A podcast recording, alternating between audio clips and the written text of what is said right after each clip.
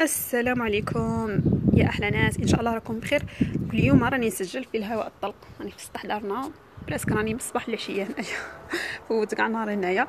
بما أنه بداية الربيع مو هو الربيع؟ بدأ كاع في اواخر مارس. فقررت نغرس شوية نباتات على غير العادة. هاد العام غير النباتات اللي عندي نهتم بهم. بصح لهاد الخطرة بغيت نسي نباتات جديدة.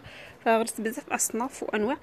وكما تعرفوا دائما كيكون الشتاء بزاف نباتات يكونوا في فترة راحة ولا اللي اسمه le repos végétatif ومن بعدها في الفصل الرابع يروح هذاك le repos végétatif وتعاود ت reprendre النبتة حياتها ودورة حياتها العادية. donc يلزم نهتموا بهم بعد الشتاء. نقدروا نزيدوا لهم أسمدة ولا نشرو لهم terreau نخلطوهم مع التراب ولا نقوا les pots تاوعنا تاني نبدلوا بالك les pots تاوعنا إذا النبتة تاعنا تكون كبرت. ونغرسوا حوايج جداد. عارفين بلي حاجة فيغ دائما تمد راحة نفسية للإنسان والفسائل والغرس موصي عليه النبي عليه الصلاة والسلام فكان الحديث هذاك تاع إذا قامت زعما الساعة وكان في يد أحدكم فسيل فليغرسها. يعني حاجة مليحة أن الشخص يغرس وأكيد الأجمل من ذلك أننا ممكن أننا نشارك بعض النباتات مع أصدقائنا ولا عائلتنا ولا الناس اللي نعرفوهم فيكون الأجر مضاعف بإذن الله. donc اليوم راني في الهواء الطلق كما قلت لكم.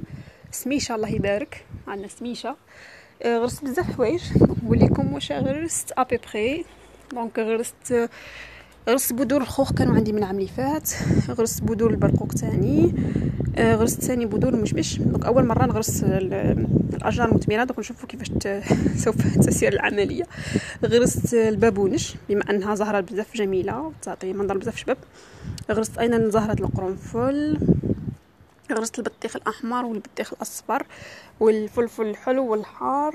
وش تاني؟ غرست بزاف. وحتى تاني غرست بعض بذور البرتقال. كانت عندي من من فترة الشتاء. كنت محتفظة بهم جففتهم وخليتهم.